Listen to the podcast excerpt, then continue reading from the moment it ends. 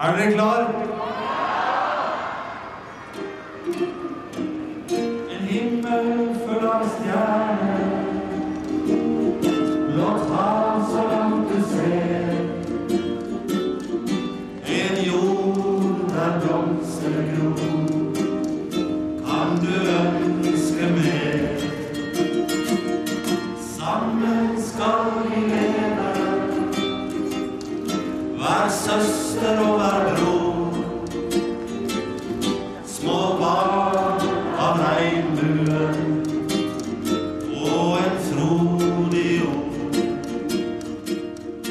Dette er lyden av over 40 000 mennesker og Lillebjørn Nilsen som trosset regnværet for å framføre barn av regnbuen i fellesskap.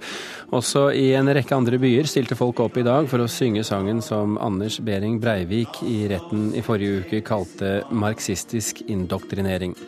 Det som begynte som en Facebook-aksjon, ble til slutt en gigantisk markering med selveste Lillebjørn Nilsen som forsanger, altså. Lill eh, Gjønnevåg og Kristine Bahr, dere er eh, initiativtakerne til allsangen vi fikk se i dag. Og hvordan opplevde dere dagen i dag? Vi eh, opplevde den som eh, enormt mye mer enn hva vi hadde forventa. Hva hadde dere forventa? Da jeg oppretta gruppa på Facebook på fredag, så tenkte jeg at eh, det hadde vært fint hvis jeg kunne klare å samle 100 stykker til et kor utafor eh, Oslo tinghus.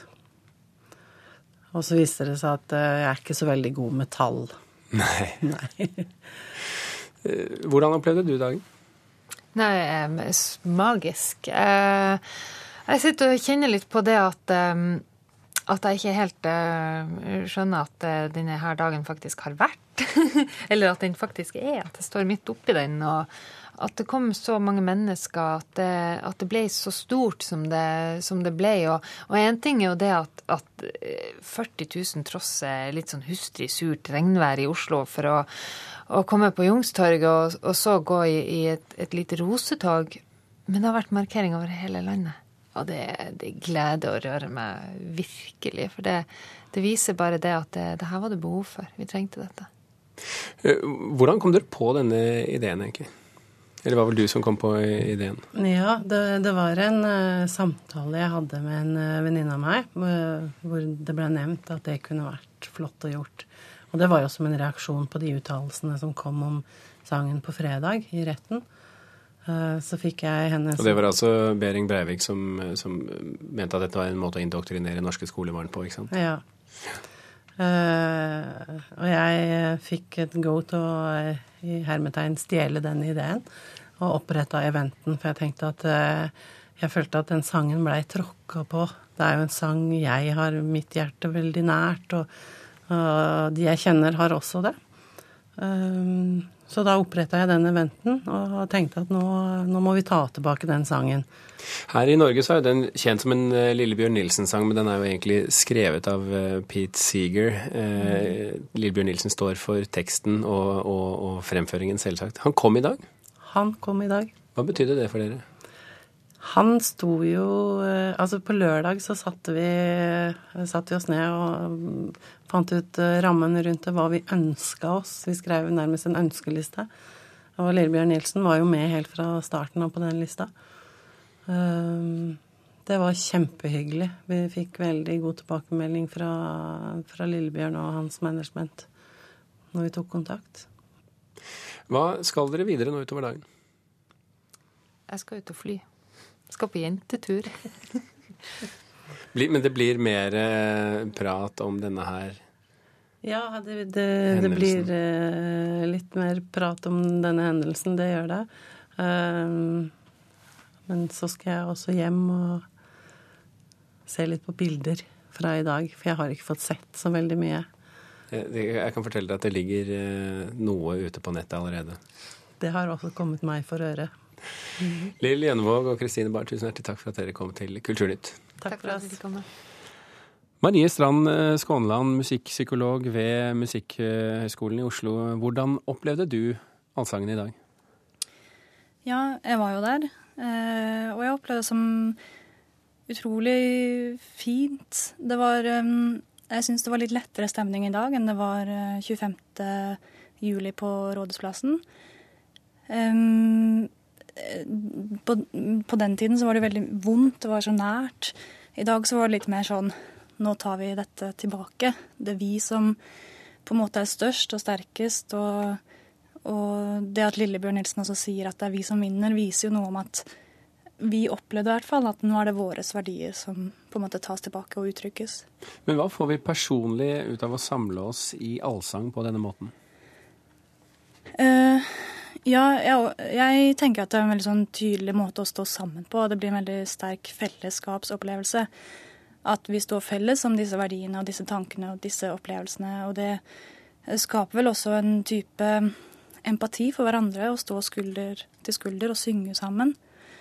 Det å synge er jo veldig sånn personlig og nært. Eh, det kan også være ganske sårbart å synge, tror jeg.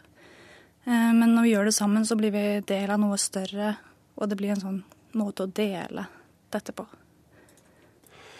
Agnes uh, Moxnes, uh, kulturkommentator her i NRK. Uh, hva forteller dagens markering deg? Tenkt, altså, jeg tror alle er overrasket over det som skjedde i dag. Jeg tenkte litt på da Norge slo Brasil i fotball, jeg. Med et litt omvendt fortegn, må man si. da. For det er noe med at man, folk sitter hjemme og i, i, i, de dagene som har gått nå siden rettssaken startet, så sitter folk og hører historier. Eh, skjebner eh, eh, blir forklart for oss, og vi ser ansiktet til Anders Behring Breivik dag ut og dag inn. Eh, på TV, vi hører det på radio, vi ser det i aviser.